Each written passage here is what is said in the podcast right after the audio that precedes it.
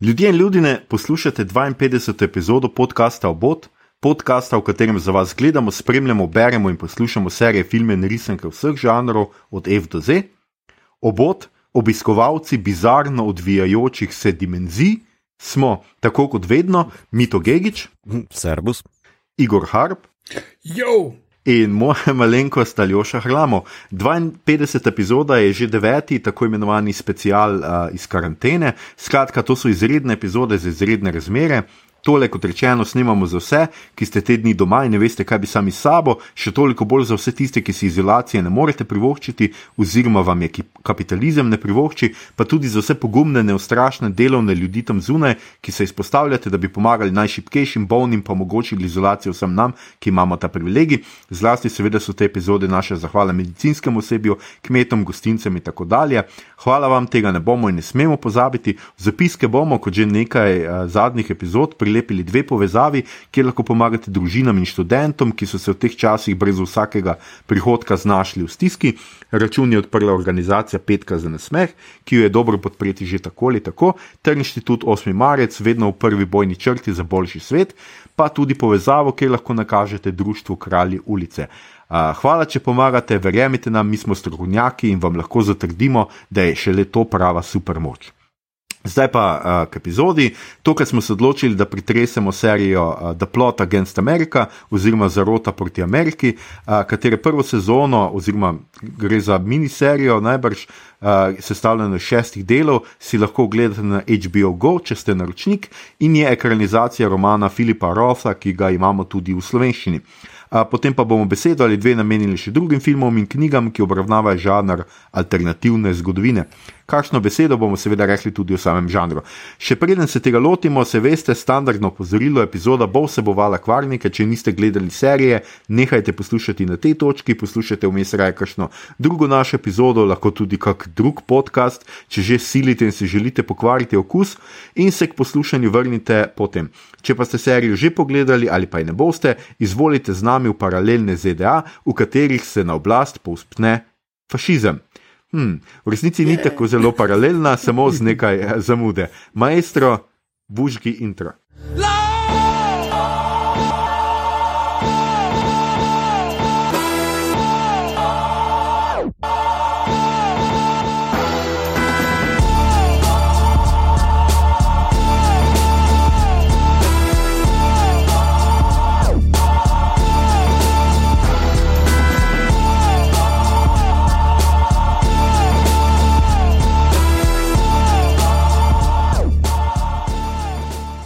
Tada, mi smo nazaj. Uh, skratka, ogledali smo, še, smo si še kar dokaj svežo miniserijo, ki se imenuje The Plot Against uh, America. Uh, večkrat smo že oglaševali na naših socialnih omrežjih, uh, pri kolcu smo delili parkrat, tako da jaz mislim, da če ste nas spremljali, uh, potem veste, zakaj gre. Pa tudi napovedali smo, da bomo to delali, tako da lepo prosim, ne delajte se presenečene. Um, Najprej, uh, kaj sem hotel povedati, da ne bomo mogoče uh, čisto takoj zašli uh, v samo serijo. Jaz moram uh, takoj na začetku povedati za tiste, ki, se, ki ste mogoče zdaj le poslušali intro, pa uh, začeli poslušati epizodo, pa niste gledali serije, serije da mogoče vseeno prej pogledate serijo. Uh, mm -hmm. Mi to je Igor, kaj vi mislite?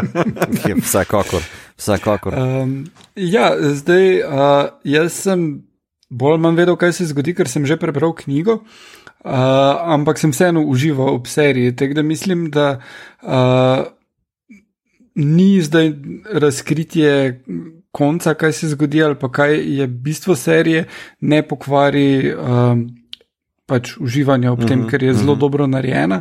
Uh, kakovostna serija, uh, pač čist celo od scenarija do igre, produkcije, res HBO, kvaliteta na, na ta pravi ravni. Uh Mhm. uh, Tako da lahko, po mojem, tudi poslušate dalje, če želite. Mislim, se meni se zdi tako, da v, uh, že na Wikipediji imaš v opisu takoj Filip Rothov uh, roman, kaj je premisa, uh, opisano, torej kaj je ta alternativni zaplet ali pa zasuk. Uh, ampak to je zgolj štartna točka vsega sranja, ki se pol zgodi v zgodbi. No? Uh, Tako da ni, ne zgubiš tu nič, oziroma si lahko komod predstavljaš, kva se zgodi. Mm.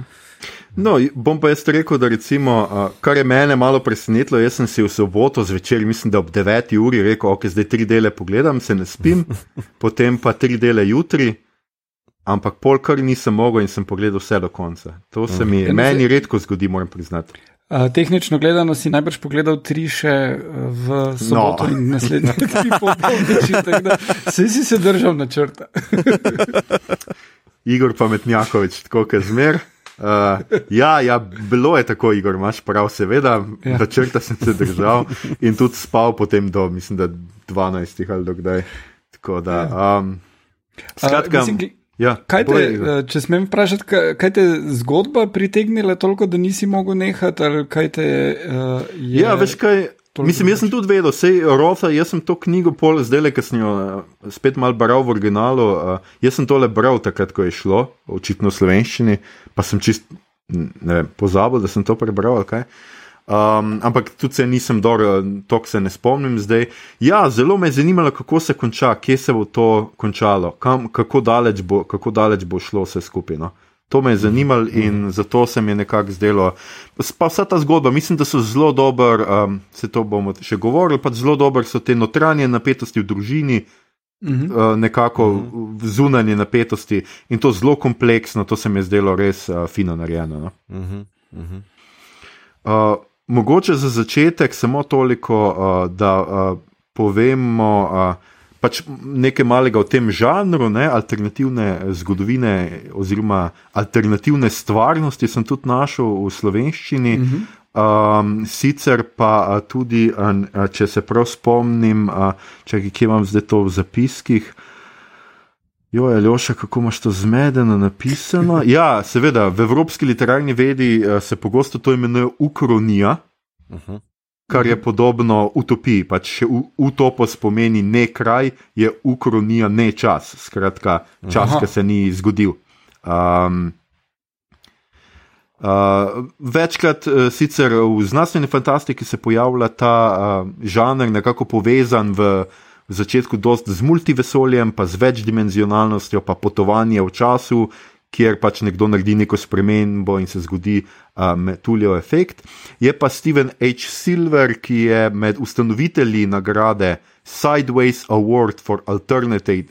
Alternate history, se pravi, prav mm -hmm. nagrade za ta žanr, definiral žanr na ta način. Skratka, gre za najprej mora obstajati to zgodu, kot zgodovinsko delo, kar pomeni, da je to zgodovina že za časa avtorjevega življenja. Uh, jaz vem, da smo v literarni vedi navadno rekli, da je to vsaj eno generacijo nazaj zgodovina. Skratka, mora biti uh mhm. -huh. nekaj, kar ti pa tvoji starši niso doživeli. Se pravi, uh mhm. -huh. zgodovina detkov je že zgodovina. To mora biti, pol mora biti um, zgodovinska sprememba, ki je, opis, uh, ki je opisana pač v knjigi, mora biti bistvena, skratka, mora uh, spremeniti potek svetovne ali pa neke lokalne zgodovine bistveno drugačen, in pa besedilo mora pravzaprav roman zasledovati posledice uh, te spremembe. To je treba zelo paziti, ker sem ne spadajo znanstvene fantastične zgodbe o prihodnosti, ki so za bralce že zgodovina. Uh, tako kot pač. Ja. Ja, 1984, recimo. Ja, ampak posledično tudi uh, zarota proti Ameriki ne more spadati, ker tukaj je avtorjevo otroštvo dejansko opisano. Not, ja, ampak eh, tam so bili že taki zgodovinski dogodki, da to je bila zgodovina za no. tako, eh, tako da ni, ni tako striktno. Pač, kaj je zgodovina, je zelo, uh, je vseeno pač. No, uh, ob, ja. Vsekakor pa izpade potem uh, Philip K. Dick uh, in uh, The Man in High Castle, ki se dogaja v sedanjosti, takrat, ko je bila napisana. Ne? Tisto ja, v 60-ih nastalo in se odvija v 60-ih kot posledica nečesa, kar pa se je zgodilo prej. Ja, ampak sej, ampak on opisuje pač zgodovinske spremembe, je bilo v 40-ih, ne v 60-ih. Ja, 60 ja, to pa. Danes ste že. Da, Aha, torej samo zgodovinska sprememba se je morala nazaj zgoditi. Ja, ja, zgodovinska sprememba. Lahko ti piše še vedno uh mhm. -huh. neke vrste sedanjosti, ampak je to nekaj, kar ima čist svoj tok, kar je v 40-ih se nekaj zgodilo drugačnega. Ne? In tista okay. zgodovinska sprememba pa mora biti zgodovini, a to pa absolutno ne. Um, okay. in pa seveda zgodbe o skrivni zgodovini ne spadajo sem. To so pa recimo. Uh, zgodba, da bi zdaj mi odkrili, kdo je res, uh, neko kriminalko, zdaj ne vem, o čem gre v Kingu roman, ampak če imaš ti roman uh, o resničnem morilcu JFK-ja, je to sicer neke vrste sprememba zgodovine, ne? ker pač mi imamo v glavi, da je pač njega bil Oswald, ampak uh -huh. če to ne vpliva in če pač oni ne odkrijejo, da je v resnici Oswald, je to še vedno uh -huh. zgodovina, uh -huh. sem pač uh, skrivna, tako da to ja, ne ja. paše noter. Uh, pa razlika moramo, razliko moramo delati med uh, um, pač se pravi alternativno zgodovino, ukronijo in pa kontrafaktualno protidejstveno zgodovino. To pa je, če si pač nek zgodovinar. Uh, Pa zada nalogo, da bo pa zdaj preučil, kaj bi bilo, kakšne bi bile posledice, če bi se zgodovina drugače odvijala. Se pravi, mora biti leposlovno delo, mora biti uh, leposlovje, se pravi, izmišljena ja, fikcija. Ne? Ne, ne akademsko pač. Ja, ravno, ne zanimivo, ravno, ravno včeraj sem gledal en video esej na prav to temo in to uh -huh. je, kako bi izgledal svet. Uh, Uh, po Inglorious Bastards, če bi se odvili Aha. dogodki, kot so vse v tej knjigi. Tako da, prav zanimivo, nisem vedel, da sem že par tekal v. no, vidiš. Preden sem uh, to zvedel, ampak ja. Drugač pa ja, najzgodnejši primer uh, neke vrste alternativne zgodovine, čeprav tukaj gre za to protidejstveno zgodovino, kot smo rekli, je Ab urbe condita liberi, ustanovna knjiga mesta, mislim, da se to prevede v deveti knjigi Tita Livija iz nekje med 27 do 9. Uh, uh, leta pred našim štetjem. Livij je namreč špekuliral, kako bi se razvijalo četrto stoletje, če Aleksandr Veliki ne bi umrl in bi se lotil osvajati Evropo oziroma Rim, kot je to načrtoval. Uh, brez, mislim, da tu ni kvarnikov, če pač Rimljani ugotovil, da bi mu Rim tako izprašal gate. Da, to prvo literarno, tako večje delo je pa Žuanot Martorel. Jaz nisem glih francosko, tako da ne bom poskušal tole v, v francoščini izgovoriti. Njegova epska romanca Tirant Beli iz 1490, kjer ta Tirant Beli prepreči padec Konstantinopla v turške roke, kar se je malo predtem v resnici pač zgodilo. Jaz sem malo tudi brskal in ugotovil, da v slovenščini nisem našel, da bi imeli alternativno zgodovino. Imamo pa v slovenščini od lani prevod Srba Marka Vidojkoviča, romana njegovega Res vam hvala, ker si on zamisli, kako bi bilo, če Jugoslavija ne bi uh, razpadla, mm. če Tito ne bi umrl. In je Tito zdaj star ne vem koliko let. In uh, pač, uh, se zdi se mi, da ti to preživi. Skratka, Jugoslavija še zmeraj ljudje vozijo zastavo 1001, se mi zdi, uh, pa pač vsa ta velika podjetja so še zmeraj noter. Sam pa se nekako zgodi, neka uh, druga dimenzija se odpre in tam v tisti dimenziji pa je Jugoslavija. To je pač naša, tista dimenzija, oziroma tista realnost je naša. Uh, in tam pa je Jugoslavija razpadla in se nekako obe stvarnosti, se pravi, obe multivesolji, uh, več vesolji, se pravi, čujem mhm, -huh, lepši mhm. -huh. izraz, uh, prepleteta. Uh, pač to bi bilo bolj ali manj uh, to, še imate vid, vidva kaj za dodatle? Um, um, ne, ne. Te, teorije nismo niti toliko dobro poznali, mi dva smo bolj v praksi alternativni stvari. Mislim, skozi branje in gledanje filmov. Mm. Nisva, mislim, da jaz nisem pre, eh, dejansko obiskal drugih eh, realnosti ali jih videl ali kaj takega. Jaz pa najbrž sem, samo se zihar ne spomnim. Zdaj, tako, kaj, kaj sem še hotel reči. Um, Je pa zelo zanimivo, no to se mi je uh, uh, zdelo zelo zanimivo, zato sem jaz, mislim, da našo epizodo poenoval alt zgodovina. Najpogosteje pač vse te seznami, tudi vsi filmi, vsi ti romani, najpogosteje je povezan z drugo svetovno vojno. Uh, pač tudi najbolj znana dela, Igor je že imel Filipa Kedika, a tudi jaz bom pač polomenil Fatherland. To so vse uh, knjige oziroma pač uh, svetovi, ki so si jih zamislili avtori kaj bi bilo, če bi se druga svetovna razvila drugače, kot se je. Zato mm -hmm. sem dal naslov Alt zgodovina, ker pač mm -hmm. ponavadi pač fašizem tako ali drugače pač zmaga. E pa zakaj ja. mislite, da je tako obešeno na glih ta prelomni dogodek druge svetovne vojne? Mislim, toliko tega je. No. Mislim, zato, ker je bilo tako uh, zanačeno, ker je folk res cvikal ali ker je tako izziv zapisati. Mislim, zdaj jaz nisem zgodovinar, tako da težko rečem, kaj je bilo izenačeno ali ne.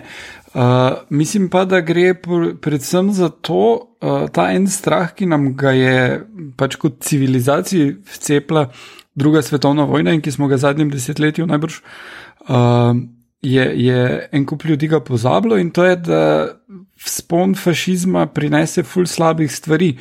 Um, in, in to je nekaj, kar je ful fasciniralo ljudi, fakt lahko bi bilo res bed, pa ni. Uh mhm, -huh.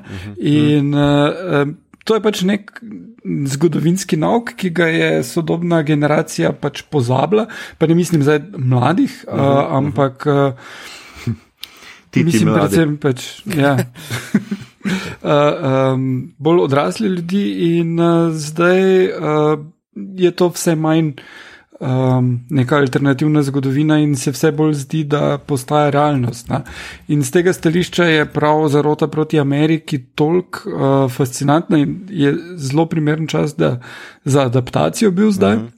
Uh, dost bolj kot takrat, pred uh, 15 ali koliko leti, ko je knjiga izšla. Uh, uh, kar uh, kaže zelo natančno vzpon fašizma uh, z zelo zanimive perspektive judovske družine v New Jerseyju in uh, en kup stvari, ki se zgodijo v tej zgodbi, se je. Zgodil nastavki za razvoj fašizma v ZDA, so obstajali, in je zgolj splet enih srečnih na ključi, da do teh dogodkov ni prišlo. Um, Tako da jaz mislim, da je to nekak razlog. Ja, zelo verjetno je. Ja. Glej, jaz še vedno sicer mislim, da pri nas bi bila tudi zanimiva. Druga svetovna vojna bi znala biti zelo zanimiva za alternativno zgodovino, tako da vsi nadebudni avtori, ki poslušate, dam vam to idejo za ston.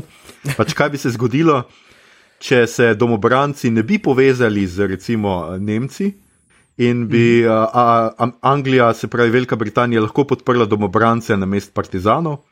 In bi zmagali v tej vojni pač domobranci, se pravi domobranci in četniki in ustaši, recimo v Jugoslaviji. Kako bi se no. takrat razvijala zgodba? Ja, Igor.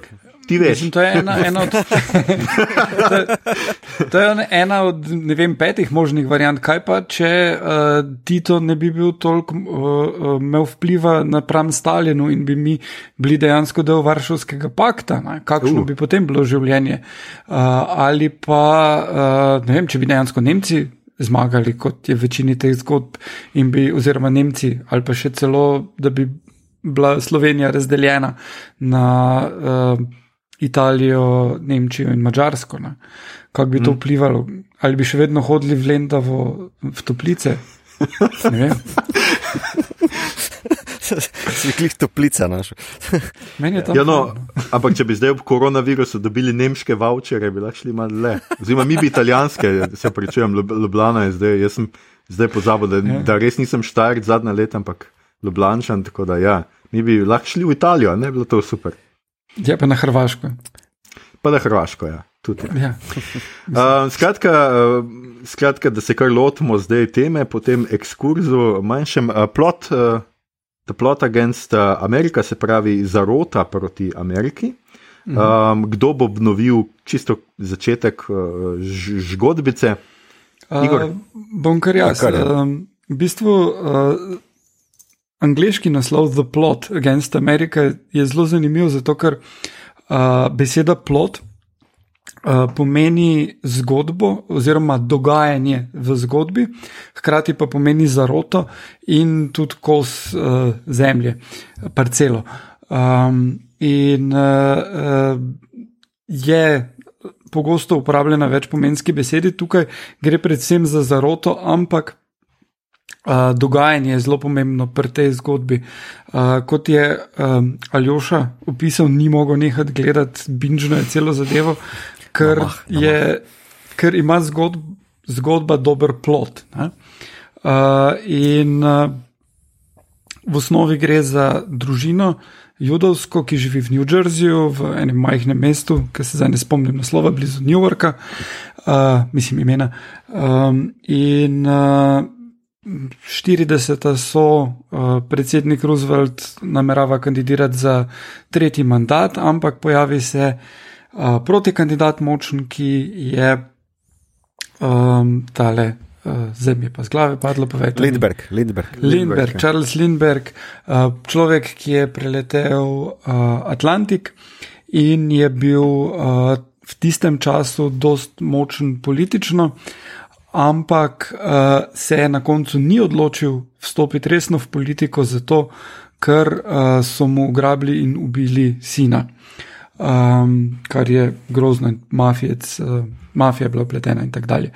Um, skratka, človek, ki je sicer pretrpel uh, tragično družinsko Uh, zgodbo, je pa bil po svojem prepričanju fašist, uh, obož, občudoval je Hitlerja in njegov spon, uh, in uh, v navezavi s Henryjem Fordom, ki je bil hardcore uh, antisemit in fašist. Tako da vsi, ki vozite Forde, pomislite malo na to, uh, odkot izhaja vaš avto in, in res ta.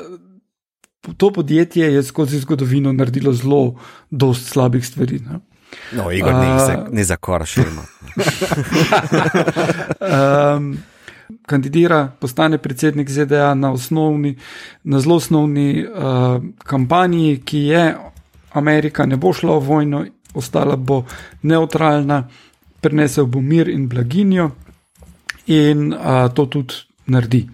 Uh, zelo hitro podpiše pakt o nenapadanju s Hitlerjem, na to še s Hirohitom, uh, hkrati pa v uh, ZDA vzplanteva vse bolj uh, podpora fašističnim idejam, ki jih noben ne uh, uspe zabijati nazaj, ker pač je podpora za to uh, v popul populaciji in v državnem in represivnem aparatu vse močnejša. Uh, in se začenjajo napadi na jude, uh, takoj najprej na. na pokopališča, na ljudi, na trgovine in to se pač eskalira. Uh, zgodba je pač podana skozi to družino. En član družine gre v Kanado, emigrira v Kanado, da se pridruži vojni, uh, se gre boriti vojni, se ne konča najboljše za njega, ampak vseeno, potem pride nazaj. Uh, in zgodba se zaključi s tem, da se začne zgodovina vračati na naše tirnice, ko uh, Lindbergh izgine v, z letalom. Zelo nakazano je, da je bila neka zarota proti njemu. In potem, ko podpredsednik hoče takoj fašistično državo ustanoviti in, in uh, skiniti ljudem osebne svobode, se prva dama uh, povzdigne svoj glas proti temu, in potem imajo čim prej volitve, na katerih pa zmaga Roosevelt. In uh, to je ena ključnih razlik med knjigo in serijo. V knjigi Zmaga Roosevelt uh, prekliče mirovne sporazume z Japonsko in Nemčijo, in zgodi se Pearl Harbor zelo malo potem, uh mhm. -huh. in zgodba se potem očitno vrne, zgodovina se vrne na naš timeline, kakorkoli. Uh mhm. -huh. Dočim tukaj pa se konča, serija se pa konča z volitvami ki uh, je zelo nakazano, da bodo ukradene, ampak ne vemo, kaj se bo zgodilo. Ne? Kar se mi je pa zdelo zelo, zelo zanimivo in zelo uh, mračna popotnica za november v Zedanu. Hm. ok. Mm. Ok, okay. tle smo. Tle smo. yeah. um, yeah. No, kaj vam je brez besed? Ja. no, le, bom kar nadaljeval tukaj, ko si ti za to omenil. Jaz sem gledal uh, uh, intervju z, uh, torej, kako se že reče, Creator, ne, uh, je, ja, Simonom. Simon z Seth Meyersom. Uh, on je prav, on je. Je z Rotom enkrat imel šanso se pogovarjati, preden je umrl, mm -hmm. 2018, uh, ker so takrat že imeli v planu narediti tole serijo. In moj rod prav rekel: prosim, ne vleč v sporednici z Trumpom, ker um, pač je nekaj primerljivo, nekaj ni, pa te štekam, kaj si zdaj hotel povedati, ne, to čist na koncu. Uh, s tem, da koliko jaz razumem, knjiga ne, uh, se zaključi z zmago Roosevelta. Ne. Ja, Ja, medtem ko tukaj je pa tako open-ended, ne, ne vemo, a je ali ni. Um, uh Mhm. -huh. Tako da to je mogoče ta ena neka razlika. Ne. Vem pa, kaj misliš, ker so, torej, ker se zaključi tudi z žganjem nekih volilnih lističev. in s žiganjem volilnih lističev in preprečevanjem dostopa mm. do uh, volišč. Mm, Um, ja, um, jaz sem bral en intervju s Simonom že pred časom, ko je razlagal, kako je bilo z Rothom sodelovati in je, je rekel, da je prišel z knjigo do njega ne, in mu je rekel, da te stvari ne bojo štimale, recimo knjiga je celotna perspektivi um, Filipa, uh -huh. mladega protagonista, uh -huh. tako da en kup stvari, ki so povezane s teto, pa z oninke vojni, tega ni not, ker uh -huh. pač. Uh, On ne ve tega, on ve samo to, ker sliši pogovore starejših, ne, odraslih. Um, skratka, rekel, da te stvari bo treba spremeniti, pa to plus, da konc ne deluje čist v redu. Ne. In da je potem Roth vzel knjigo, listal gor, listal sem tja, zapre knjigo, mu da nazaj, pa reče: Glej, to je tvoja stvar. jaz ne." aha, ok, dobro, dobro. Um, Uh, ampak ja, uh, sporednice s Trumpom, pa mislim, da če bi jih bolj vlekel, bi bilo, uh, mislim, ni rabil. Uh -huh, Ker dejansko ja. Lindbergh uh, in, in tista stranka, za katero je, uh, pri kateri je on bil, ki je potem uh, uh, se nekako postala del republikancev ali kakorkoli, uh -huh. uh, se je, men, je bil njihov slogan America First. Ne? Ja, to, to, to je res. Ja. Le, Aljoša, samo um, vse ful me zanima, naprimer, ker si napisal v zapiskih torej, razlike med serijo in knjigo, to, kar bo ta vidva povedala. Tukaj bi še samo nekaj dodal, mi se je zdela ena stvar zanimiva, kaj je Simon povedal v tem istem intervjuju z povej. Myersom. Um, Da, v bistvu razlika med Lindberghom in Trumpom je, da Lindbergh je dejansko bil heroj z tistega časa, ameriški heroj. Ja, ampak poslušaj, to, vsi smo ljudje, pod ko- prav tako je rekel v intervjuju. Vsi smo krvavi, vsi smo good, bad, levo, desno, ampak Lindbergh je bil za Ameriko tistega časa, glih za čas depresije, brezposelnosti, lakote. Um, Brezdomstva, da tip je preletel Atlantik, on je bil v očeh eh, javnosti dost uh, uspešen, karizmatičen, uh, načitan, um, tako, uh, in, rečemo, rečemo intelektualc nekega kova, ne? kljub fašizmu, pa antisemitizmu in tako naprej. Trump to ni, Trump je en velik pusič in to je on hotel povedati, to je Roth hotel njemu povedati, da njega prosim primerjati z Lindbergom, ker v bistvu, kljub temu, da je Lindberg takšen dušbek kot je, je Trump še bolj. Ne? Ja. Vsaj v tem oziru. Um, tako da to, no, to, to sem hotel reči. Ja, ja. Uh, vsekakor ima prav. Ja. Mm. Lindbergh je vsaj nekaj dosegel v življenju. Ja, vsaj. Medtem ko Mr. Bone Spurs, pa pač vse vemo. Ne? No, ja, pač uh, Lindbergh je to res utelešenje tega, tako kot si rekel, pač za ta čas uh, in pa za Ameriko. To je en ameriški mit, ne? oni imajo radi osvajalce, ljudi, ki nekaj prvič naredijo. Ne? On je prvi preletel Atlantik, ki je self-made, kot da self-made man, ne? se pravi nekdo. Um, pač Amerika zelo ceni posameznika, nek posamezen napor in um, tudi nek, nek, malo nekega, recimo, tega egoizma, kar se meni zdelo pa zanimivo. Zdaj, če smo že pa začeli to eh, primerjavo z Lindbergom in Trumpom, se mi je zdelo to, da Lindberg, ja, tudi jaz sem dobil občutek, tudi v seriji, ni neumen. Ne? Ja. On točno ve in tudi recimo. Trump bi vse povedal, jaz se Ja. ja. bojim, da pa, Trump vse pove, pač on je res tako, pač pride in pove, pač ja, -huh. pač karkoli mu že pade na pamet, če tudi uh -huh. to ni nikoli nič pametnega. Lindbergh je pa zelo tako političen, ne? on, uh -huh. ni, on je zasebno temu uh, rabinu. Um, Zmeraj govoril, da pač on ne sovraži judov, da vse bo v redu, v, v, v, um, sprejel ga je v vlado, da je tam delal neke projekte, ker naj bi judom pomagali v Ameriki in tako naprej. Uh, Medtem ko javno ni nikoli obsodil fašistov, ne, oziroma nikoli ni obsodil kuklux klanovcev, dejanj, ki so se dogajale, ampak se je kar izmuznil, kar na tistem slavnem govoru, ki ga poslušajo, mislim, da pre, pred zadnjem mm -hmm. delu, uh -huh. uh, ki prileti tja v, mm -hmm. se pravi, v mesto, kjer so se zgodili zdaj umori. Uh, pač uh, temnopoltih ne, ne, in Ne, židov. ne, temnopoltih, Ja. ja. njegovega političnega nasprotnika so umorili. Tako ja. unga židovskega radijskega voditelja ali ubijajo, on pride tja in reče. Vse bomo naredili nekaj, da bodo otroci varni. Ne, otroci so varni in še bojo naprej Ja, varni. ja, ali vaša deca hodijo v šolo, vse je kul, cool, Ja, vse ok. What the fuck? ja zdelo se mi je tako eh, zelo antikoronsko, no, je govoril, pač, ej, ni res, niso vsi v šoli. ne, hočem pa povedati, ja, on je, bil, on je tako zelo, zelo je, je, so pač velike razlike med Trumpom um, in Lindbergom. Ne, in, uh, um, to hkrati. Uh, uh, Drugače pa ja, so pa velike podobnosti. Ne? Amerika First pa ta izolac, uh -huh. izolacionistična politika. Uh -huh, uh -huh. To je ja. pač, to bi ga zdaj Trump nazaj uvedel, ne? to je takrat bila realna pač stvar. Ne? Amerika se je odločala, pač, potem ko je v prvi svetovni vojni izgubila veliko ljudi, uh, uh, pač veliko denarja, bila v depresiji, se je res odločala, zakaj bi uh, pač američani pomagali evropejcem v njihovi vojni. Uh -huh. Tako da. Ja, ja. Mm, Uh, no, pa se ta le antisemitizem, recimo, kako zelo je bil prisoten. In tukaj je Roosevelt, ki se praktično ne pojavi v seriji, uh, je prikazan kot nek ultimativen savior, kot mhm. -huh. nek rešitelj in, in v knjigi dobesedno je. Uh, ampak dejansko je on bil predsednik, ki je leta 1939 uh, odslovil. Um, ladjo, križarko, um, polno judovskih ubežnikov, nekih tisoč jih je bilo, ki so šli najprej na Kubo uh -huh. uh, in so jim kubanci rekli, da ne.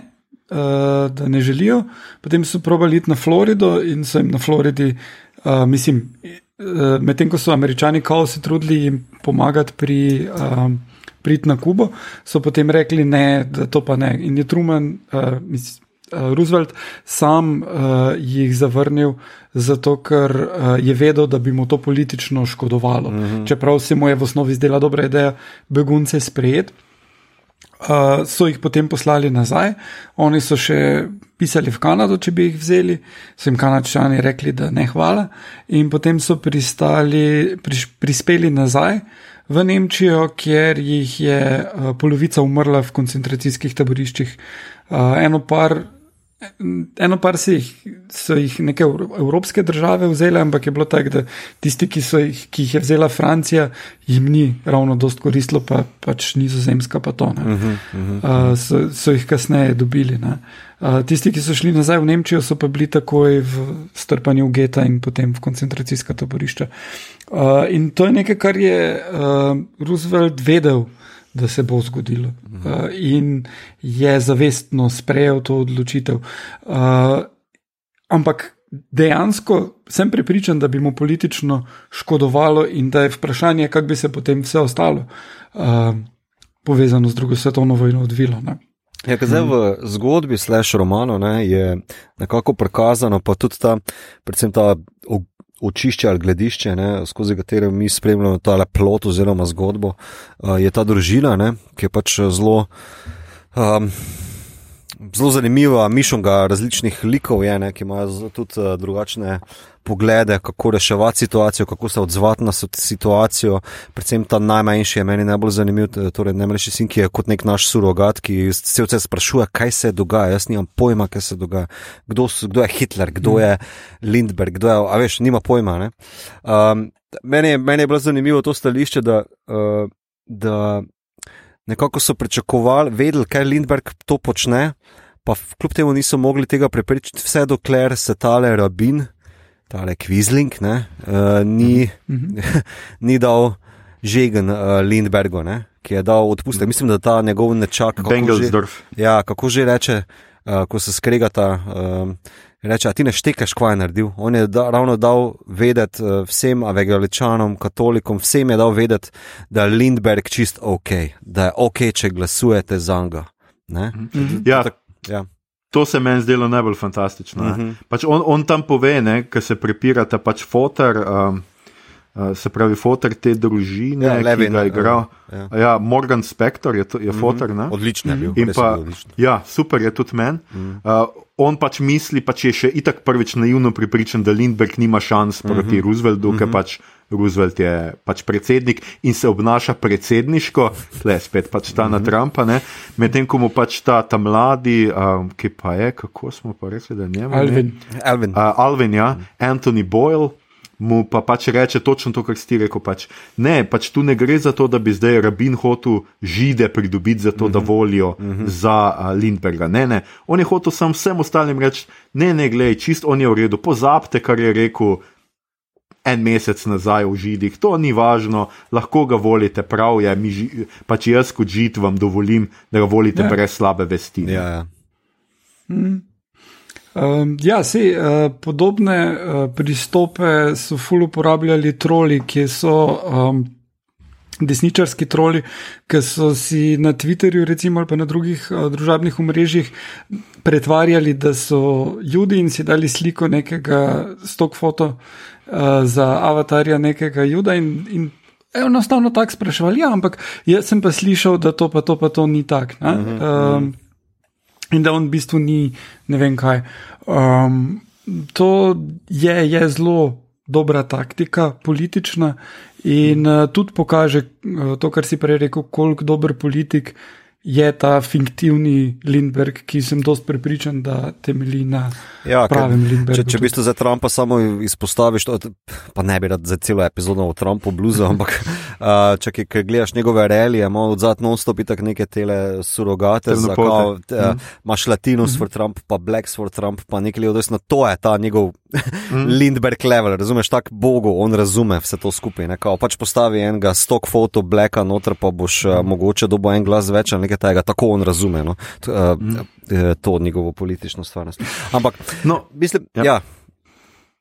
Kar, ne, jaz sem hotel reči, da tle, kar se mi pa zdi, da zgodba tudi ful dobro pač, postavi in ker sem jaz mogoče razvoj tega mal pogrešal, mi pa je bilo to, da pač izpostavijo tudi to, da seveda antisemitizem je že bil tukaj in mm -hmm. Lindbergh je samo katalizator, ne mm -hmm. samo nekdo, ki mm -hmm. podneti ja. pač do konca in ki pač s tem, ko postane predsednik, ne obsoja tega, pač legitimizira pač antisemitizem in se ta lahko res razbohoti. Uh mhm. -huh. Ker imamo zgodbo um, matere, se pravi Zoe Kazan, ki je bila tudi meni ja, pač, uh, fantastična. Ja. Uh, ker ona preprosto pove, ona je živela v neki četrti, preki ni bila judovska, živeli so uh, pač židije med sami, pač ena hiša židovska je bila med samimi uh -huh. pač katoliki in vsi, ki so hodili mimo, so kazali, gledaj tle pa živijo židije, unižidije. Uh mhm. -huh. In pač v resnici je pač pokazala, da ta stvar je že zdavnaj bila tle tukaj, da to ni nekaj, kar bi zdaj pač Hitler pripeljal ali pa uh -huh. kaj mhm. bi, ne vem, Lindbergh si izmislil, ampak pač je sam, ups. Kataliziral. Jaz se v bistvu zgodba ima meni zelo eh, dobre tri nastavke, oziroma tri izhodišča. Ker, eh, eno je ta družina z svojimi notranjimi trenji, torej mati, ki je uh, zadržana, boječa, uh, oče, ki je patriot, aktivist, uh, nečak, ki je duer, on uh, zbeži v Kanado. On, kako je že rekel, ko ga je vprašal Kanača, uh, do you want to fight for king and country? Pa on reče nazaj, no, I just want to kill nacis, ja, welcome. Um, uh, pa potem imaš pa še zgodbo Ester, pa tega rabina, ki se ima ta ljubezensko razmerje, torej njuno kvizlinštvo, ne, torej njuno, kako naj temu rečem. Uh, Jaz mislim, da kvizlinštvo pravi izraz za to. Ja.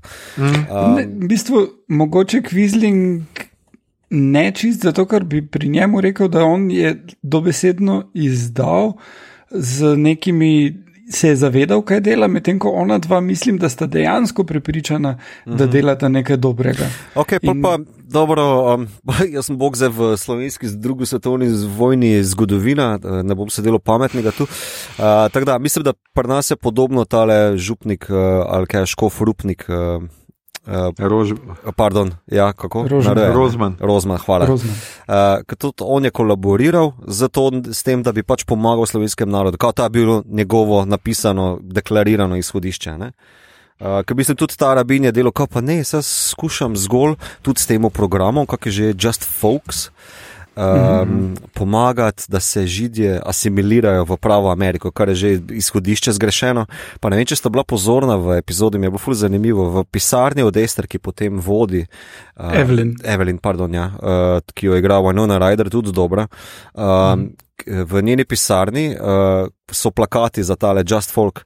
A ste opazili en plakat, je bil fully zanimiv, ker v bistvu velika črna temna figura na uh, žitnem polju, ki se sprehaja po neki kao tej pravi Ameriki. Ampak že ta figura je v bistvu kot nek naci lik nekega, a veš, leta je temna figura, ki prihaja do vas in yeah, tako naprej. Ne? ne vem, če ste bila mm. pozorna na ta fini, fini, fini detalj.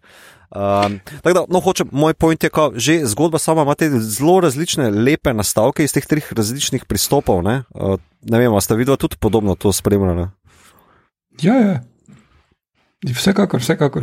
Um, meni se je še ena sporednica zdela zanimiva ne, pri tem programu uh, Just Folks, oziroma pri drugi fazi, ne, kjer uh, ne samo da otroke pošiljajo na neke exchange program, ampak da dejansko uh, ponudijo oziroma prisilijo družine, da se preselijo tja uh -huh, uh -huh. Uh, v Kentucky in, in North Carolina.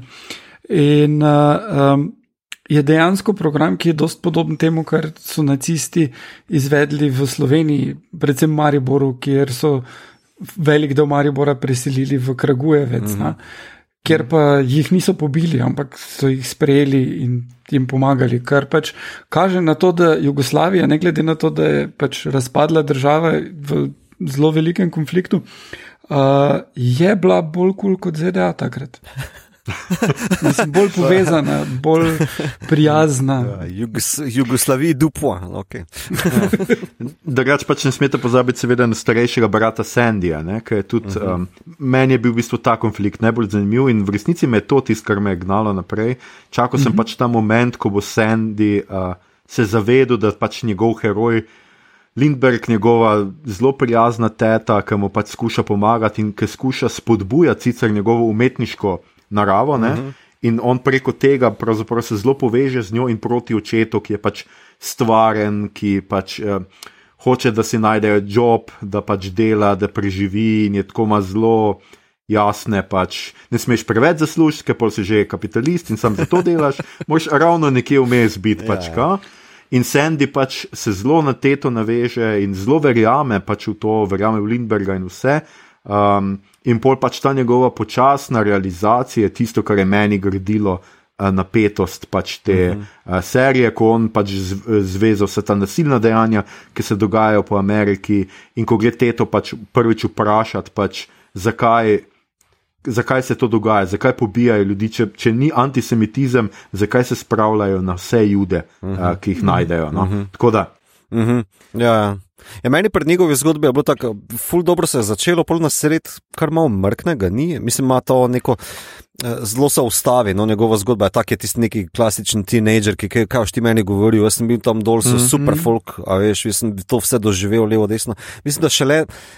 Šele na koncu, ko se tisti kukluk sklanovc mimo avta sprehodi za njemu, pa goreča stavba tistega delja v oni vasici, šele takrat mu po moje klikne fakt, to je res mim. Oni hočejo mene biti samo zato, ker, sem, ker imam vem, takšne korenine. Uh, da, tudi, mislim, mislim, je pa malo svaljivo, vse meni se zdi. No. Uh, tista scena s klanovcem, ki se tam pojavi, pa že on v, v kafiču, ki grejo na mm -hmm. Vece. -hmm. Mislim, da imaš idejo, da je to neka daljna zgodovina, ne? mm -hmm. ampak takrat dejansko klan še niti ni bil tako dolgo prepovedan v 40-ih. Ne? Mm -hmm. In uh, uh, je nekaj, kar uh, ne vem toliko časa nazaj je minilo, kot ne vem, pri nas je prepovedano kajenje v zaprtem prostoru, pa še vedno lahko kje vidiš, koga ja, ja, kaditi. Ja, ja. Po mojem, mm. pri njih na jugu so točno tako gledali, pa kaj pol. Ne. Ja, se so to uh, ne, čisto na easy hangal, tam le s policisti, medtem ja, ko je ja. stavba gorela. Ne. Moram še povedati, mene tudi ta štorija čist stira fuklina uh, od tam malega soseda, ki mu je oče umrl. Mm -hmm. uh, um, pol pa se ja. preselijo po čisti zmoti ali gluposti v uh, Kentucky. Uh, pa so bolj ali manj vsi vedeli, da to se ne bo dobro končalo z mati samo hranilko. Pol pa imaš tele telefonske klice tam avga, ker sam sem nje ni, lačen sem, uh, ona ne bo prišla domov, uh, umrla je. Uh, mislim, to, to ja. me je čisto povozilo, to sem mhm. izjemno narejeno, moram reči, da je res izjemno narejeno. Uh, ja, ja, ful dobro odigrano in, in zgrajeno mm. in kamera, celca je mm. ful dela. Mm. Ja, ker ga ne vidiš in je tako bolj pretresljivo, ker prav uh, slišiš. Ker, ker sem zvok, ne sem glas in njegov obupan otroški glas. Mm -hmm. pač, in kako ga pač zoj kazan, več čas. Uh, bodri, ne, ne, mami bo prišla nazaj. Ti sem ja, peci, kosmičen, naredi pa tako, ko pa odloži telefon, je pa tako, ja, ne, ja. mama je mrtva. Ja, jaz mislim, da ima to, ta serija, mislim, da smo jih tako že zaokrožili, nekako pač to je propad v mm. uh, anarhizem, pa uh, pogrom ameriški, da se tako izrazim. Um, mm. Na koncu pa zmaga z novimi volitvami, Lindbergh zgine, ampak meni ta serija zmaga z neko taktilnost, neko haptičnost zna prenesti, ker sem cel cel skakal s fotela. Jaz sem bil. Jaz sem se skoraj da drl že na televizijo, kako ne vidite, kva počne, a si slep, a si gluha, kaj je z vami, a ste vsi nori. No? Pa sem se prostino tudi pogovarjal, mo, ja, se imaš neko izkušnjo zaradi tega, ker ti poznaš zgodovino. Ne? Oni je niso poznali, samo oni niso vedeli, da se holokaust svoredno dogaja, ne? ampak oni so šele ja. doživljali. Da že to odigrano, pa tale, mislim, super subtilno narejeno, pa ful močno zadane ta nek, nek zelo grozeč element, ki ga preko ekrana prenese. Um, No, kar je meni najbolj fascinantno, je, da ti uspešno predstavi nemoč uh mhm. -huh. enega pač posameznega človeka uh, uh, proti zgodovini. Dobro, sicer imaš pač to, da uh, ta rabin, pa pol pač ta starejši, uh, gleda, gledati pač Lindberga, ko pristane v New Yorku, oziroma New Jerseyju in tako, pač imaš te, da se vključujejo tudi zgodovinske dogodke. Uh mhm. -huh.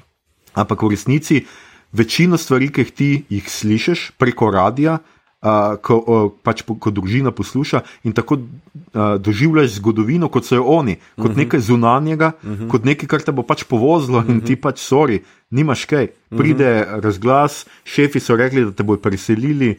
Lahko sem pustiš službo ali pa pač greš. Mislim, tako ta groza in totalna nemoč in točno to, kar si mi, mi to rekel. Ja, prav se začutiš tako živčnega, ja. bi rad povedal. Pač, tudi... Glej, kaj se dogaja, pa glej, sem ja. kaj kaj bi jim pomagalo, če bi vedeli, mi to ne znamo. Zanimiv, zanimiv, eh, meni je tu bil zelo zanimiv konflikt, pa počasno stopnjevanje konflikta med možem in ženo, ne, ker tudi zunanjost je na nuju vedno bolj pritiskala. Ne, ali, nekdo, uh mhm. -huh. ali so v prvem delu vidijo one Nemce, ki ga žingajo veselo ne, v, onem, v tisti četrti, kamor sta se ona želela preseliti, potem v Washingtonu, ko se na stopnicah žere, pa bodi tiho žita. Ne, pa potem, ko ga en uh, pri mizi ogovori, a boš tiho, kot uh, je že Roosevelt Lover, neke take fore. Počas se skozi take majhne dogodke začelo vedno bolj pritiskati, uh, potem pa še ta njun konflikt se uh, tudi toliko bolj zaostri, ker ona je bila, ona je želela v Kanado zbežati, ker so vsi bežali. Vsi so rekli, samo spakiri, pa pet. Ne, on je pa bil patriot, ne, domoljub. On je vseeno zase govoril, jaz sem američan, to je moja država, jaz druge države nimam, jaz se moram temu opreti in se je. Ne kljub temu, da mm. v zadnjem delu je da prav, prav si imela, kaj nam je to naredilo, ne? zato ker so začela deca to nas je vleči. Um, On je potem na koncu v bistvu z pištolo se fura na okrog, to je ta njegov uh, mm. aktivizem prinesel. Uh, in to je bilo zelo dobro narejeno. Tudi ta konflikt mi je največ tudi dal. Um, tako, sem... Ja, ja, v bistvu to je zelo vredno narejeno, da je to v osnovi družinska zgodba. Uh mhm. -huh. Vse te velike zgodovinske dogodke, ki so pač drugačni, ker je to alternativna zgodovina, uh mhm. -huh. pa uh, so uh, nekaj, kar od zunaj pritiska na njih in vidiš, kako. Njih to spremeni. Uh -huh. uh, in v knjigi, ki je povsem z perspektive Filipa, uh, podana je to še bolj očitno, uh, čeprav so drugi liki, jih vidimo samo skozi njihove oči. Ne? Uh mhm. -huh. Torej, recimo, ne vemo, kaj se zgodi Alvinu v vojni, čist natančno, razen tega, kar pove par stavkov, ki pride nazaj. Uh -huh. um, politiko, koliko on presliši pogovore ali pa kaj. Ni pa vedno prisoten, pa ni, ne sestavi si vedno čist cele zgodbe. Uh -huh, uh -huh. Tudi je do neke mere tisto, da ti kot bralec veš več kot glavni junak, uh -huh. ker pač je on desetletni fant. Uh, zanimivo je pa tudi to, da v knjigi se družina ne piše Levin, ampak Roth, uh, tako kot pisatelj uh -huh. in je tudi vsem isto ime. Uh -huh. uh, on je imel brata Aleksandra Sandija. Uh, očeta in mati, ki ima isto ime, uh, in vse to, tako da je um, ta autobiografski pristop k temu doda eno um, resničnost. In mislim, da ko je Filip Ross uh, ustvarjal to knjigo, je um, zelo veliko črpal iz svojega otroštva, iz tega, kaj so se starši doma pogovarjali, mm. kaj je slišal po radiju, kaj je slišal odrasle govoriti in kako si je to iz stvari zapomnil. Mm. Uh, in to. Uh, doda celotni zgodbi pristnost. Mm. Bi pa vseeno priporočal, da če zdaj nihate knjiga ali serija, pogledajte serijo. Mm -hmm. uh, knjiga je v slovenščini, um, priporočam, če znate vredno angliško preberti izvirnik. Uh, žal, prevod ni najboljši zdaj. Ni običajno, da disam.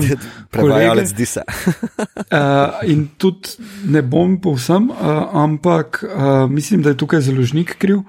Um, in sicer. Um, Naslov knjige je Zarota proti Ameriki. Vse skupaj deluje kot nek thriller in v osnovi thriller, ne glede na to, da je ime policerjevega nagrajenca tam kot avtorja. Um, in prevajalec, ki je prevzel to nalogo, uh, je sicer prevajal knjige o Jacku Richardu, torej Lija Childsa. Ali Child, ali kakorkoli se ta pisatelj piše. In te Jack Richard kriminalke so zelo uh, lušne, osnovne šunt kriminalke, uh -huh. ni visoka literatura. Potem je pa tale Filip Ross tudi preveden na podoben način, kar uh, zmanjka uh, pri samem občutenju te družine in vsega tega. Uh, dobiš pa tole zaroto, ful bolj izpostavljeno in bombastično kot bi bilo treba in kot je v knjigi. Tako da, če boste najprej gledali serijo, pa potem šli brati slovenski prevod, boste. Morda malo razočarani, ampak. Um... Sem mislil, da boš zdaj rekel, da, da na koncu še bombo uh, oddeaktiviraš. ne, ni pa, pa prevajali z dodajo ja, knjigi, okay. uh, ničesar. um, ni to ja. alternativni prevod. Tako je pižama razlagal o prevodih, uh, mislim, da prečeta, kjer so uh, tisti neki škrati ali vilinci pili neko določeno pivo. Uh, nek brendi so bili not vključeni, da je Aha. bil prevod cenej. um, skratka, uh, to je bilo to. Jaz mislim, da smo seriji čist dovolj povedali, da smo vas uh mhm. -huh. lahko navdušili za njo. Če še niste gledali, pa če res je šest delov, je se pravi malo več, oziroma tle nekje šest ur, no, ja, vse skupaj, ja, tako da pogledate.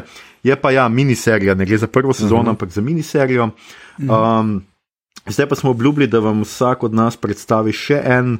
Še en izdelek kulturni z alternativno zgodovino, in bo kar začel uh, mito. S čim? Skratka, govorimo še o, seveda, še o alternativni zgodovini. Ja, ja. Skratka, mito, kaj si nam, kaj si ti uh, pogledal, oziroma kaj si ti spomniš, da si gledal takega?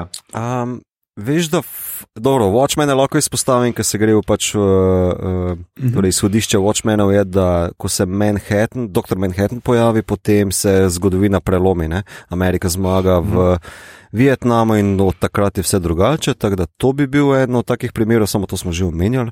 Slidersov sicer nisem gledal, tako da o tem ne bom. Sem pa jaz še dodal v naše zapiske, ne, torej um, 11, 22, 63, ne, ampak si ga že ti obdelal, ta Stephen Kingov roman. Zgodba za tem pa je, da se, to je serija tudi iz 2016, mm -hmm. uh, da James Franco potuje nazaj v čas, da bi preprečil umor, ampak ker ima svoj nek personal shit, uh, se začne za svojo lastno zgodovino igrati. Tako da v bistvu je potem uh, zgodba o tem, kako on lastno zgodovino nekako alternativno začne spremenjati, niti ne toliko, da bi vplival na glavne dogodke. Ne. Ker pač Ozval, mm -hmm. če vedno se mi zdi, da naredi svoje, uh, pa da se stvari bolj ali manj zgodijo tako, kot se edino on sam pri sebi nekako spremeni, zelo podobno kot uh, tudi potem uh, Back to the Future Part 2. Uh, kjer je pač ta isti mehanizem alternativne osebne zgodovine uporabljen, ne? ker si pač Aha. neki, uh, ki se je neki v preteklosti spremenil, se je tvoja sedanjost uh, potem obrnila na glavo, kjer pač v Back to the Future, ne? če smo že pri tem, mhm. uh, Beef uh, ima on Sports Almanac in postane ultra bogat, bolj kot sam Trump. Tako da to bi bilo mojih partih, ker sem, moram pa priznati, da ful mi manjkajo tile naslovi. No? Um, kar se tiče pri serijah, pa pri filmih. Je pa še mm. potem, to sem še pogledal nekje, nisem pa pogledal do konca. For All Mankind je pa taka mm -hmm. uh, tudi alter serija, mislim, serija, ki se igra za alternativno zgodovino, kjer pa se pač vesoljska tekma nikoli ni končala in Rusi so prvi pristali na Luni, tako da je malo drugače iz tega nekega um, štartnega mm -hmm. pointa, da ni zgolj druga svetovna vojna. Mm -hmm. Vidva? Ja. Uh, ja, jaz, bi, uh, jaz bi izpostavil uh, The Man in High Castle, uh -huh. uh, Filipa K. Dicka, uh, ki uh, je alternativna zgodovina, dogaja se v 60-ih, uh, drugo svetovno vojno so zmagali uh, naciji in uh, Japonci. Uh, ki so si razdelili ZDA. Um, torej, naciji so okupirali uh, tale uh, vzhod in del juga, ki je neka ločena država, rasistična, uh, zahod imajo Japonci. Um, kar je zanimivo pri tej zgodbi, pa je, da se nekaj se ukvarja s to veliko politiko, kaj se takrat dogaja, bolj se pa ukvarja s tem, kako je to spremenilo ljudi. Uh, recimo, eden od glavnih junakov, ki jih na začetku spoznamo. Uh, Ful, ki živi v San Franciscu, kjer se večina zgodbe dogaja, je mnenja, da Japonci so ful bolj kul cool kot Belci, da fakit, zakaj ni on Japonec, ampak kako srečo ima, da lahko trguje z njimi, da, da ima tak biznis, kjer mu to dovoljujejo, ker Japonci, oni segregirajo vse skupaj in pač se ne smeš družiti. Um, ampak, um, kar je potem zanimivo, je, da tam je ena knjiga v knjigi, ki opisuje svet, ki je podoben našemu ampak ni čist isto, ker so uh, zavezniki zmagali in naci izgubili. Um, in to knjigo je napisal en človek, ki je ta naslovni The Man in High Castle, in se ga nekateri ljudje odpravijo iskat, da bi izvedeli, kak in zakaj. Uh, in celo point vsega skupaj je pa ena zadeva, ki se imenuje I Ching. In to je mm, neka vrste uh, šloganje ki izhaja iz Kitajsko, in pač ti imaš nekih šest cifr, ki so v nekem heksagramu razporejene, in potem so knjige, kjer ti ugotoviš, kaj bi naj to pomenilo, pač neke kocke imaš in svoje odločitve, pač rečeš, kaj naj zdaj naredim, vržeš tiste kocke, pogledaš, kaj ti tisti heksagrami tam povejo in si razlagaš to, kot pač znaš ali želiš. In uh, on je rekel, da je na osnovi, on je povedal, da je na osnovi tega napisal knjigo, ki mu je pokazala, dala v pogled v to našo realnost, uh, kar je dost povezano s tem, kako je Filip K. Dick napisal knjigo, ker je takrat odkril iChing in on je pač ustvaril like in ko se je moral odločiti, kaj bo nek lik naredil, je vrgel te kocke in potem je najbrž naredil to, kar je nameraval tako okay. narediti. Uh, ampak posledično vseeno je cela knjiga dost random, te je malo frustrating, brat, ker pač, ah, zdaj bo pa to naredil, ne, ne bo to naredil, nekaj posebno nepričakovanega bo naredil, ker je pisatelj pač vrgel kocke. Um, Amazon je potem naredil serijo na tem, kjer je vzel enih par teh osnovnih idej, ampak je naredil cel. Ful širšo, ful bolj neki upor, potovanje med uh, različnimi svetovi, v glavnem, ful bolj kompleksna štorija, ki presega to knjigo, uh, je pa vizualno zelo zanimiva, uh -huh. zgodba pa malo nihano.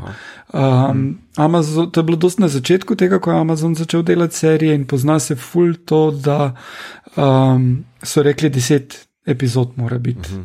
In ni bilo res ne nujno, da je deset epizod po eno uro, ampak bi lahko to prilagodili Uh, mislim, da so se kasneje naučili dosti iz tega, ampak tukaj na zgodovni ravni malo trpi serija. Okay. Kaj še? Aljoša. So pa tri sezone ne, tega, če se presvojim. Štiri. Oh. Celo štiri. Oh, ja. okay. Jaz ne vem, če bi dobil. Um, knjigo reči, problem. Ja, ok. Pač Filip Kedik je bil tudi kar precej. Uh, Zdaj iščem Junkie. politično korektno, Okay, imel nehanje. ampak zmešan. Nehanje. Zmešan. Je. Ja, če bi bil na heroinu, no, ti če se. Ne, Kaj ne? ti, Ne. ne, ni bil na heroinu, kaj, a ni bil na amfetaminih. Amfetamin. A ja, ok. V povezavi s paranojo.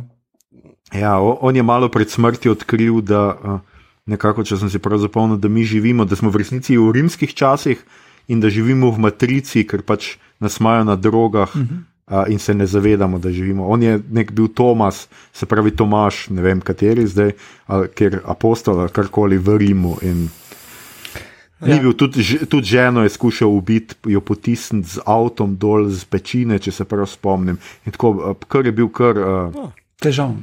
Lav. Težav, oh, hvala, težav. hvala, Igor, težav. Um, Okej. Najbolj, najbolj dick move, ki ga je izvedel, pa je bilo, da je na eni točki šel na FBI, pa je rekel, da bi on tudi bil agent, pa da je pripravljen zašpetati svoje prijatelje, ki se skupaj zakajajo in kupujejo droge. Ja. Le, patriot. Um, drugače, jaz sem hotel omeniti pač film uh, Fatherland uh, iz leta 94, TV film uh, Christopher Menol ga je posnel. po romanu Roberta Harrisa, ki ga tudi imamo v slovenščini, v njem pa igra Rudger Hauer, uh, pa Miranda Richardson, no tudi, ampak uh, Rudger Hauer, zato ker sem ta film že mislil imeti takrat, ko smo snemali kinoteki. Uh -huh. Gre pa za eno zanimivo, pa če sem to bral in roman in uh, gledal film. Film ni bog ve kaj, pač v resnici na ljubo je pač tak TV film, malo denarja, malo muske. Um, Ampak uh, od, osnovna premisa, jaz mislim, da je sjajna. Skratka, Nemčija je zmagala, pač uh, sile vsi so zmagali drugo svetovno vojno. In zdaj skušajo po ne vem koliko letih, uh, mislim, da je Hitler star tam nekje 70 let uh -huh. ali nekaj takega, skušajo pač uh, zgraditi svoj spor z Združenimi državami Amerike. Obeta se eno veliko srečanje ameriškega in uh, pač predsednika in Hitlerja. In v tistem času se dogajajo neki umori, in Rudger Hauer pač raziskuje, pač, kdo pobija te oficirje uh, SS-a, in na koncu ugotovi, da to počne uh, pač Hitler sam, oziroma pač kar SS sam, ker se skuša znebiti vseh ljudi, ki vejo, kaj se je zgodilo Judom, skratka, ki so odgovorni za židovsko, za končno razreši, razrešitev in izginitev vseh židov, židov v, v Nemčiji. Ne? Kaj ti, ker je seveda Nemčija zmagala, je holokaust uh, in genocid skrit uh mhm. -huh. in nobe, kot da ne ve za njega, nihče ne ve, kam so ti ljudje izginili. In pol pač on odkrije to zaroto znotraj uh, tega. In se mi zdi pač tako ena fascinantna pač zgodba o tem, kako um, pač zgodovino pišejo res zmagovalci. Um, tako da to, jaz bom na lepo še spodaj, kar neki pač en seznam. Uh, Knjig, ki, ki, ki obstajajo na to temo, drugače sem hotel, tle imam še. Um, obstaja cela spletna stran, ki je stara približno malo manj kot internet, ker je to ena prvih spletnih strani, uh, ene prvih spletnih strani na internetu so bile posvečene alternativnim zgodovinam in ukronija.net je ena najstarejših in tam se zbirajo v resnici vse te knjige in vse uh, uh, pač, uh, stvari, ki so povezane z. Z alternativno zgodovino, drugače pa mislim, da sem že kar nekaj teh smo jih že včasih omenjali. Jaz sem hotel pač omeniti med temi, ki niso pač samo uh, druga svetovna vojna, še enkrat The Years of The Years of Rice and Salt, se pravi leta riža in soli, uh, Kim Stanley Robinson, uh, ki se mi zdi zanimiva in sem si jo zdaj tudi nabavil na Amazonu, pa še nisem uspel prebrati, mogoče do naslednjič, um, ki pa govori o tem, da v resnici med kugo. O njej smo govorili pri pandemijah. 99 odstotkov evropejcev umre, in uh, pač prevlado v svetu dobijo muslimani, uh, uh, muslimanska in kitajska kultura. No. Uh. Tako da se mi je zdelo to, glede tega, kar zanimivo, drugače pa je tudi. Uh, Drzna premisa. Uh, ja, da jidiš policeman union, ki ga je, mislim, da je Igor enkrat omenil, um, je ena taka. Um, pa še imajo, mislim, da neko. Uh, Našel sem še pa en zanimiv film, sem zdaj ne vidim v teh zapiskih, kateri je že ta film. A je to Sliders ravno? Skratka, en film. Sliders je Aha. serija, ki uh, zdrsne Aha. v paralelne zgodovine, oziroma vesolja, pa potem tam imaš te neke, ne vem, Hitler je živ, pa bla bla te fore. Ja, ne, ne, zdaj, uh, zdaj sem našel. Ja. Zelo zanimiva in kar mal sporna se mi, zdi, uh, se mi zdi film White Man's Burden, v katerem igra John Travolta s Harryjem Belafontom in v katerem pač so temnopolti tisti ki so rasisti nad uh, ubogimi belci in imajo prevlado v Ameriki. Mm. In uh, pač skratka, vse je isto, sem ah, okay. obratno. Okay. Ja, in uh, pač zdi se mi tako en zelo. Um, kako naj temu rečem, sumljiv način uh, pač obravnavanja zgodovine. No? Se, tako, mislim, zdi se mi malo sporno, no? da se zdaj večina postavlja v vlogo manjšine in da To je kot en pornič, no malo tako. No. Ne, porniči imajo boljše zgodbe. Uh, to, to je nekaj, kar, kar fašisti vedno uh, razlagajo. To je tako, uh, pol bojo pa prišli, ne vem, bomo sprejeli sto ali pa tudi tisoč, slovencev je dva milijona, bomo sprejeli tisoč migrantov, pa če vsi pridejo in so muslimani, bomo pa imeli muslimansko državo. Kam on, kako slabi ste v matematiki kako slab moraš biti v matematiki, da to pomisliš. In, ampak vedno ima to fantazijo. Po mojem, hočejo biti podjarmljeni, mislim, zakaj bi drugače hotel biti naci. Um, ampak uh, vedno imajo to idejo in pol si probajo fantazirati. To. To je taka fantazija. Kaj pa, če bi črnci zdaj imeli belce za sužnje? O ne. Ja, ne, ne bo, ni se zgodilo. Kva, mislim, no, to je bil uh, prijazni striček uh, Igor, ki je zdaj vam vse lepo uh, uh, razložil. Um, ja, kaj pa se edino, mogoče še to povemo, Igor, ti pol nisi pogledal tega C, uh, CSA, The Confederate States of America? Uh, ne, nisem uspel pogledati. To je pa, uh, koliko vem, moj komentarec o tem, kako bi izgledale ZDA, če bi uh, sever izgubil uh mhm. -huh. vojno in bi suženstvo še vedno bilo a thing. Um, ne, tega nisem pogledal, ampak uh, uh -huh. vem pa, da sta na osnovi tega delala serijo za Netflix, um, Benioff and Weiss. Ja, domen, domen. Uh, iz Game of Thrones in potem sta se odločila, da ne. Pametno, pametno. pametno. uh, jaz bi tu še da hitro omenil uh, žanr, ki uh, si rekel prej, podžanr, ki si rekel prej, da, da ne sodi not in to je uh, sci-fi alternativn. Torej, tukaj imamo tega Sky Captain and the World of Tomorrow. Um, mhm. V bistvu uh, tale steampunk sodi tu not. Uh, in, in podobne, kjer pač bi rekel, da ne vem, je, je se nekje v zgodovini zgodila neka sprememba, zdaj pa imamo zaradi tega drugačno sedanjost, ki je videti zelo znanstveno fantastična. Uh, ampak na nek posebno nepričakovan način. Sky Captain je zelo lušen film z zelo elementarno zgodbo, ampak lep je pa totalno. Uh -huh. uh, Jude Law uh -huh. igra um, Angelina Jolie, Gwyneth Paltrow, uh, full lušen film, ga zelo priporočam. Uh, tudi steampunk knjige so lušne uh, in, in polne domišljije. Pa meni je bila blazno všeč vedno ena zgodba, kratka od Williama Gibsona, in sicer se imenuje Grunšbeck Continuum, kjer en uh, ta glavni junak, uh, ki je fotograf, uh, dobi pogled v prihodnost, ki ni obstajala, ki temelji na idejah oziroma knjigah Huga Grunšbeka, po katerem se imenuje nagrade. Hugo, uh, kjer je vse zelo tisto, tako kot Jetsoni, uh mhm. -huh. kot pri Jetsonih, mhm. vse te zavite linije, uh mhm. -huh leteči avto in samo defekti so jih. In, ja, in ga to pač mu povzroči nek živčen zlom, in, uh, ker pač Gibson je malo bil downer občasno. Um, ampak je, je lušna zgodba in lušen koncept, se mi zdi. Vse te sci-fi prihodnosti, ki nikoli ne bodo obstajale. No. Drugače pa mislim, da je Mito začel s Tarantinom, pa mogoče zaključimo s Tarantinom, zdaj pa vsi, ki še niste zadnjega filma pogledali Tarantinovega, pokrite si ušesa. Ja, pač Tarantino zelo pogosto pač uporablja to alternativno zgodovino in seveda tudi zadnji njegov bilo je nekoč v Hollywoodu, je mhm. alternativno zgodovinski, ne, ker um, to je vendarle kar velika travma bila za, Ameri za Ameriko, pač uh, Mansonovi umori in verjetno bi se tudi zgodovina mal, gotovo bi imelo kakšen vpliv. Vsaj serije Manhunter ne bi bilo. ja, vsaj to, vsaj to je. Vsaj to.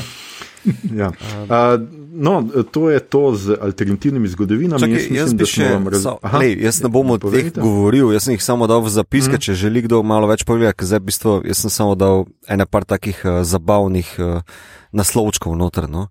Uh, naprimer, našel sem en strip, Captain Confederacy, uh, ki je. Mm -hmm. Uh, grd za pogled, pa grda risba, pa vse, ampak premise pa zelo kot Captain America. Pa, uh, na živce mi pa gre samo zaradi tega, ker na YouTubu očitno obstaja neki kanali, ki se fuladi ukvarjajo s tem stripom, ampak uh, ta folk ga ni bral in imajo tega heroja kot uh, pač dobesedno heroja. Je pa. To, Zgodba je pa tako, da pač tale tip nastopa v promo, mislim, agit propagandi za Confederacy, ki je zmagala uh, južnaško, mislim, torej državljansko vojno, uh, mm -hmm. ampak uh, mu gre vse na živce in se upre svojim uh, vladi, pa njegov najboljši prijatelj je temnopolt, potem ima sidekick Miss Dixie, uh, ki je latino. Uh, mislim, tako zgodba je kao zanimiva, ker se začne opirati proti lastni državi, ne? ampak uh, folk na YouTubu, en določen folk na YouTubu, pa ga komentira kot kao, lete, se to je isto kot Captain America, se to je isto, veš, ta neki heroj, to je ameriški heroj. Nek... Zato sem ga samo dal not. Uh, Prelisto sem eno, eno izdajo na uh, online, ampak to je za nič drugačno, tka, kar bedno. Vsega skupaj je mogoče neki 12 številk. Pol sem pa dal noter full Star Trek, um, ker Star Trek je pa zelo pogosto se up, um, posluževal tega time travel variante. Uh, pa potem pride tudi do izraza ta alternativna štorija. Ne? Zdaj, notri je seveda The City on the Edge of Forever, kjer so pač eni naši gosti že omenili, da to njim najljubša epizoda. Meni je ok, uh, še posebej zato, ker je noter, kako je že imeno te igralke, John. Uh, oh, man, John, John, no, nima veze. Tale, tale epizoda je super, kjer se gre, da pač tale uh, človekoljubinja, če bo delala naprej, uh, bo lahko preprečila uh, drugo svetovno vojno, ali pa če jo pusti krk, da umre, uh, bo pa se zgodovina odvila tako, kot bo in pridemo do te zgodovine, kjer Star Trek obstaja. Uh, to je ta dilema. Polomaš Yesterday's Enterprise, slušna je. John Collins. John Collins, thanks, thanks, Aljoša, hvala. Uh -huh. Uh, nisem hotel reči, ker poznam zone reklame, pa iz dinastije, ampak ok. um, torej, imamo še potem uh, Yesterday's Enterprise, ki je lušna, ena ta boljših epizod, pa Parallels. V Voyagerju imaš The Year of Hell, kjer je pa ta mehanizem alternativne zgodovine kot premisa vzeta. To je skratka, obstaja nek tip, ki mu je žena umrla in on fura intergalaktični genocid, kjer iz časovne linije radira cele planete. Eh, zato da se potem rekonstituira eh, velika, eh, njegova velika bivša država, kjer njegova žena še živi. Uh, Voyager pa je, ker ima tako tehnologijo, izoliran od teh efektov in lahko spremlja vsa ta grozodejstva. Ful zanimivo. Pa v Enterpriseu, tudi zanimivo, uh, imaš pa dvojni two-parter epizodo Storms Front, kjer pa naciji zasedajo vzhodno obalo Amerike, podobno kot v High Castle. S tem, da pač so njihovi glavni oficiri alieni, ki se pač malo špilajo z drugo svetovno vojno, kar je pač je jok. uh, ja, ta to, evo, kasne, bom pustil zapiski. No, ampak um, a ni tudi no. cel Discovery v bistvu alternate future, ne. glede na osnovni timeline? Ne, ne, Discovery je v bistvu za Canon. Ja, ja, ampak se odvija v drugem timelineu. Ne, uh, Kelvin timeline, uh, torej ti leta novi Abramsovi, ti so.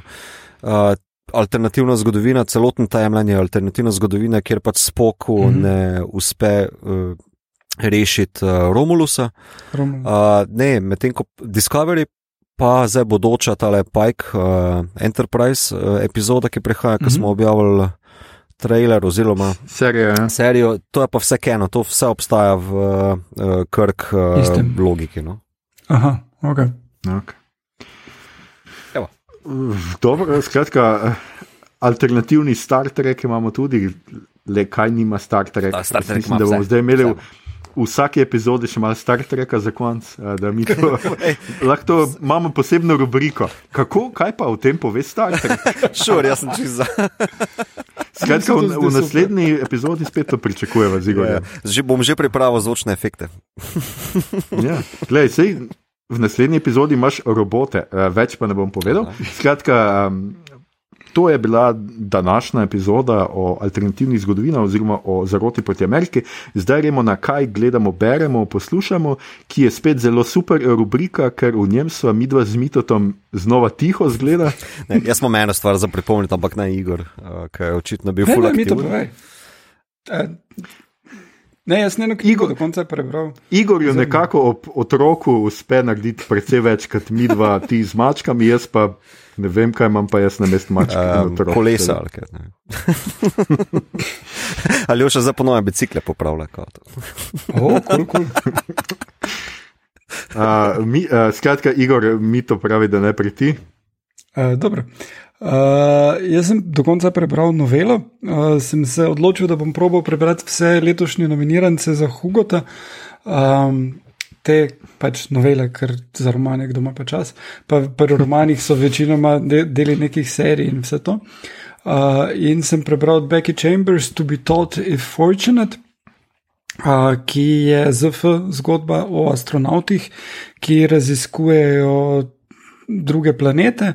Pač v prihodnosti se pač je možno potovati dalj časa, oni spijo med potovanjem in se praktično ne starajo, pač so v torporju. In uh, v tem času jim tudi telo se spremeni, da so prilagojeni na uh, življenje, torej radiacija jim da hrano na mesto raka, uh, mišice se prilagodijo glede na težnost in tako no, dalje.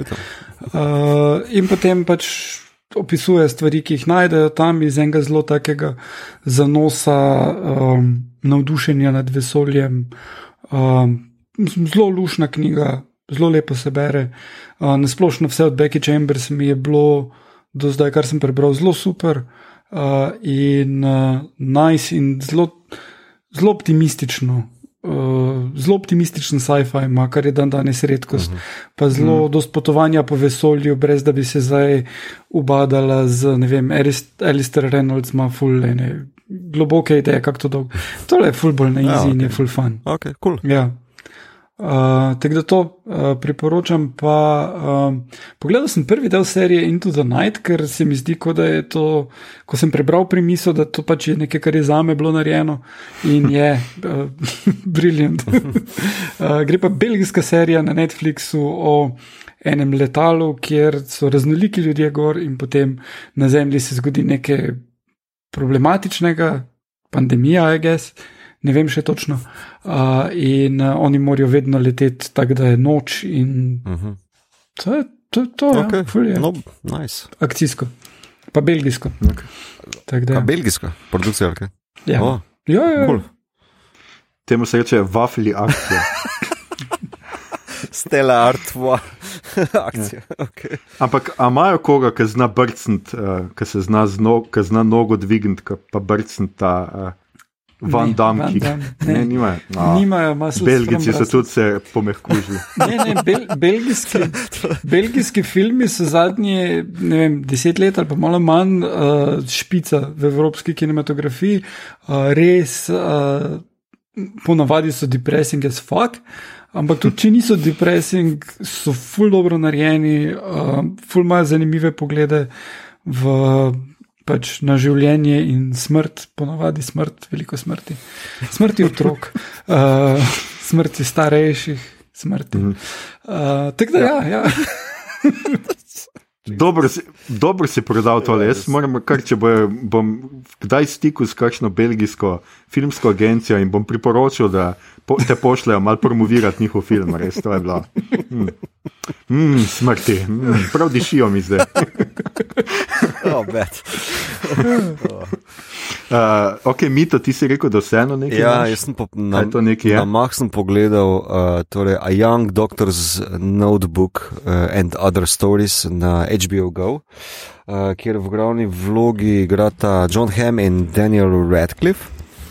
Uh, je pa BBC-jeva produkcija, če se ne motim. Uh, torej, v dve sezoni sta, vsaka sezona po štiri delov. Štorija je pa simpel, da uh, se mlad zdravnik, ki je ravno kar v letu 1917, ravno kar uletel iz Moskovske uh, uh, univerze v izmišljeno uh, podeželsko mestece in se tam pač uči um, kako biti dejansko zdravnik, ne zgolj iz knjig. Um, vmes je pa štorija tega uh, odraslega uh, zdravnika, ki ga pa že uh, bolševiki zaslišujejo, zakaj pa on, uh, ne vem, uh, krade morfi. To je pač štorija, štorija je dark comedy, mislim, tako dark comedy fora je. Uh, ki imaš full nekih body horror variant, že na kroneberski ravni, uh, po drugi strani pa zelo, zelo smešen, skoraj da že Buster Kittenovski pristop na cajt. Tako da je full čuden mix. Uh, prvi del sem bil malo super, da kaj sploh gledam, uh, potem pa je bilo uh, vedno boljše, vedno bolj kvalitetno, uh, ker je res zanimiv roller coaster čustev, pa slik, uh, ki ti jih ta serija zadega noter uh, v ta, mislim, da 20-minuten format na epizodo. In priporočam, če je zdaj komu res sedaj ta. Kako ne rečem, Kronerberg, ampak z nasmeškom, aj gess. Mislim, opisal si tako, da bi lahko bilo tudi z Belgije. ok, okay lepa. Oh, te smrti, te čudovite smrti. Um, skratka, jaz uh, nimam kaj dodati, jaz sem zelo pospešil na Brooklyn 99 in vse pogledal v resnici. Tako da uh, nice. sem Brooklyn nice. dal skozi in moram, moram, moram reči, da je res kul, kul, kul, kul, kul, kul, kul. Imam pa še zelo malo, mislim, da do naslednje epizode lahko končno poročam o Star Wars, Clone Warsih, uh -huh. no, ker imam še na zadnjo sezono, pa, pa pol pred zadnje. Ja, že prav sedmo. Um, Ta ja. zadnja, oh, nice. Smo pa, to smo pa prehitev za čist. Jaz sem na ja, peti optičal. Um, okay, lepa, lepa, lepa, lepa. lepa. um, ljudje in ljudje, ja, kaj, to je bila že naša 52. epizoda. Uh, v njej smo se znova javljali iz samoizolacije, tema je bila knjiga in serija Zarota proti Ameriki ter drugi alt zgodovinski filmi in knjige. Uh, Upamo, da smo bili spet dovolj ekonomični in drnati. Poslušali ste torej podcast, ki se oglaša na ime Obot, podcast za serije filme in risanke vseh žanrov, od F do Z, ki ga gosti mreža Apparatus. Z vami smo bili. Mito, Trump je en pusič, Gigi. Damn right. uh, Igor, prisluhnite vi, ki vozite Forda. Hrb. Čakaj, by the way, Igor, kaj pa voziš ti drugače? Toyota, oni so pa pomagali uh. pri japonskem imperiju. Gača, okay. zakaj vprašaš? to je fulboš. Uh, in skratka, Aljoša, ti ti mladi Harlamov. Uh, tole epizodo smo posneli doma, še vedno v izolaciji, še vedno čakamo, da nam vrnejo knjigo Bežigrad, kar naj bi bilo k malu. Če vam je bilo všeč, kar ste slišali, širite, lajkite naš podcast, naročite se nam preko vašega najljubšega appa oziroma ponudnika podcastov, dajte nam kakšno ceno na iTunesih, podprite platformo aparatu z odličnim izborom podcastov za vsakega in če se boste jutri prebudili, v fašistični Sloveniji ste morda prestopili v drugo dimenzijo, morda pa je velika stranka samo uspela v vseh svojih načrtih. Na Twitterju nas najdete kot podcast obot, na Facebooku smo kot podcast obot, tako je tudi na Instagramu, tja, tam delimo rajce, prikolce in druge zanimivosti, tja lahko smerite vprašanja, pripombe, komentarje teorije o tem, kako bi se odvijala zgodovina brez podcasta Obot, predloge, kaj bi za vas pogledali naslednjič. Uh, mi smo odločili, da bomo z vami še naslednji teden z najbrž vseeno zadnjim specialcem. Če nam bo to uspelo, boste videli naslednji teden. Na črtu pa imamo epizodo o seriji Westworld oziroma Zahodnje, eh, podrobneje seveda o njeni uh, tretji uh, sezoni. Igor mi tukaj tipka, da je kino bežiga drive-in od tega četrtka, Igor. Ja, ja zdaj že lahko. Zdaj želo, la, la, super uh, film, če hočete malo plesati v notranjosti avta in navarjenem od drugih. Če boste slišali uh, eno avto, ko se fulderejo, to smo mi, veš. um, Skratka, privoščite si kino, bo nazaj, kino bo preživel tudi korono. Uh, vabljeni ste k poslušanju, če se nas še niste naveličali, uh, naslednji teden, ljudje in ljudje, ostanite zdravi, pazite nas in na svoje, pazite na svoje sosede in se kmalo znova slišimo, morda pa počasi tudi že kaj spet vidimo. To je bil podcast Bot, umite si zobe in spate. Kaj te veš, da folk to posluša? Kako? Ja.